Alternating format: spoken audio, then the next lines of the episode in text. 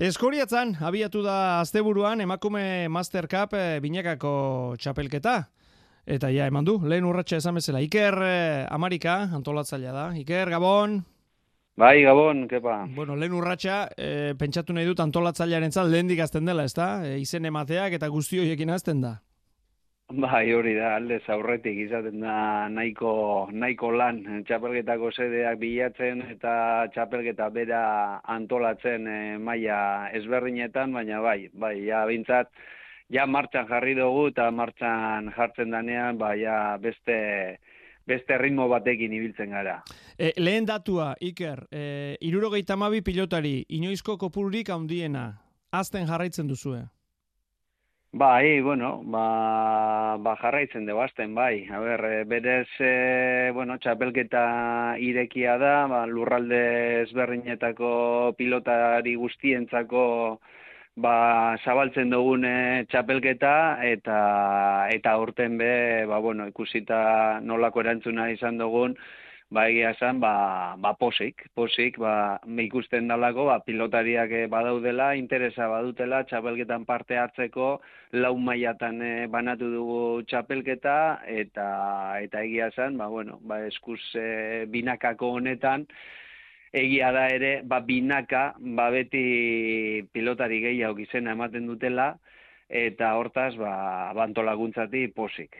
E, laun mailatan banatze horrek berak erakarri, erakarri dezake pelotari gehiago ikerrezan nahi dut bakoitzak bere maila aurkitz, aurkitu alizate horrek?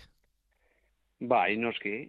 Bai, azkenean, e, bueno, a ber, e, kontuan hartu behar dugu, emakumen esku pilota e, astapen prozesu baten e, dagoela, emakumen eskatila asko e, Euskal Herriko e, klub ezberdinetan e, izena eman dutela eta pelotan jokatzen ari direla, baina bakoitzak bere maila duela. Ezkenian hau ez da pelota afizionatuetan egiten dan bezala txapelketa pribatu bat e, antolatu e, sortzi pilotarikin edo amasei pilotarirekin e, bakarrik.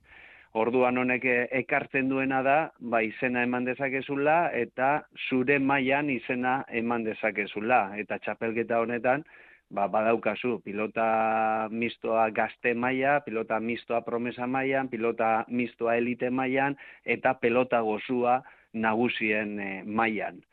Orduan, ba, bueno, aukera guztiak e, dituzu, pelota gozua ere, ba, bagu bakarrik antolatzen dugu pelota gozuako e, txapelketa, baina badaude, aizi aldian jokatzen duten emakume pilotariak eta izena ematen dutenak, eta horregaiti, ba, errezagoa da, e, txapelketan parte hartu alizatia. E, aipatu duzu, e, lurralde ezberdinetara ere zabalik dagoen e, txapelketa dela. E, nondi datoz pilotariak? E, zenbat lekutatik e, urbiltzen zaizkizue?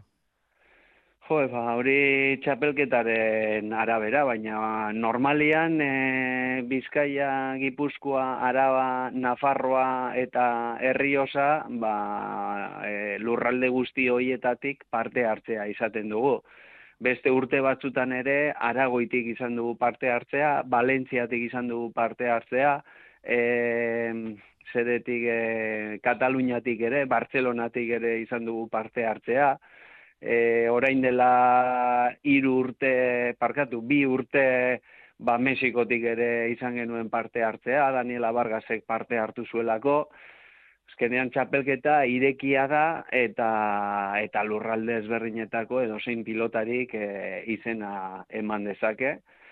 Bidazoak eta, muga handia egiten du, alegia koste egiten da, iparraldekoak etortzea, Iker? Ez, etortzen dira, eta orten ere elite mailan e, badaukagu, bikote bat e, izena eman duena, atzo hain zuzen eskoriatzen e, jokatu zuten, ani auronoz eta mariego jenetzek, baina baina bueno hor egia da ba igual gehiago kostatzen zaiela ba gehiago fronbolean edo aritzen direlako baina parte hartzea badaukagu. E, sedeak lotzea aipatu duzu lehen. Herri askotara txoko askotara joango da binakako emakume master cup? Bai, bai, bai, bai. Hemeti, bueno, eh, atzo hasi ginen eh, eskoriatzan, eta martxoaren e, amazazpira bitartean, ba hor, e, bueno, sede ezberdinetan e, egongo gara, txo eskoriatzen, e, azte buru honetan e, larrabetzun, urrengoan e, usan solon, galdamezen, e, elgoi barren, arrasaten, e, bueno, hor sede ezberdinak e, izango dira txapelketan zehar, ba beti egiten dugun bezala, ba, txapelketa itinerantia delako, eta eta momentuz, bueno, erantzuna ona izan da. Finala non da iker? Finala martxoaren namazazpian e, arrasaten izango da. e, azken galdera bat, egin e, nahi nizuke pixka eta moduan edo lehen aipatu duzu, e, gaztetxoak. Gaztetxoak bai. indartxu datoz, e, ikusten dugu nagusiagoen kontra ere, ba, amal lau, amabost, amazi urteko neskatuak ikusten dira, pelotari indartxu emanez, ondo jokatuz, Indartxu atoz atzekoak bai. ez da? Bai, a ber, e, bueno, elkarrizketaren hasieran esan dizut, e, emakumen eskupilota astapen prozesu baten dagoela, e, astapen horretan eskola kiroletik datozen e, neskatiak, baien e, prozesu naturala egiten ari dira, hau da, eskola kirola bukatzen dutenean eta federatu mailara pargatu sartzen direnean, ba, balen eh, pelotari gehiena pilota utzi egiten zuten, baina orain txapelketari esker jarraipen hori izan dezakete. Eta jarraipen hori naturala delez, ba, neskatia pelotari hoiek, ba, maia oso ona da, dakartzate. Ba, haien klubetan, e, ba, bi hiru eguneko entrenamentuak egiten dituztelako, pelota mistoarekin entrenatzen dutelako, pelota mistoarekin jokatzen dutelako, eta prozesu natural horretan datozen neskatia guztiak, ba oso maila honeko pilotariak dira. Aldiz, nagusien mailan dauden pilotari asko, ba pelota mistora egokitu egin behar izan dira. Mm. Hau da, edo palan ibili dira, edo pelota gozuagaz ibili dira, eta orain pelota mistoarekin jarri behar izan dira. Baina gaztetxoa, gazte de gaztetati datozenak, ba, jarraipen hori, jarraipen natural hori egiten ari dira, eta ikusten da ba, maila oso altua dutela. Bueno, horrelaxe kontuak, esan bezala emakume masterka. Zakit ondo azaldu bai, nazen, eh? Nik, uz, nik uste oso ondo azaldu zarela. Eta posten gara gainera prozesu natural horrek aurrera jarraitzen duela ikusita.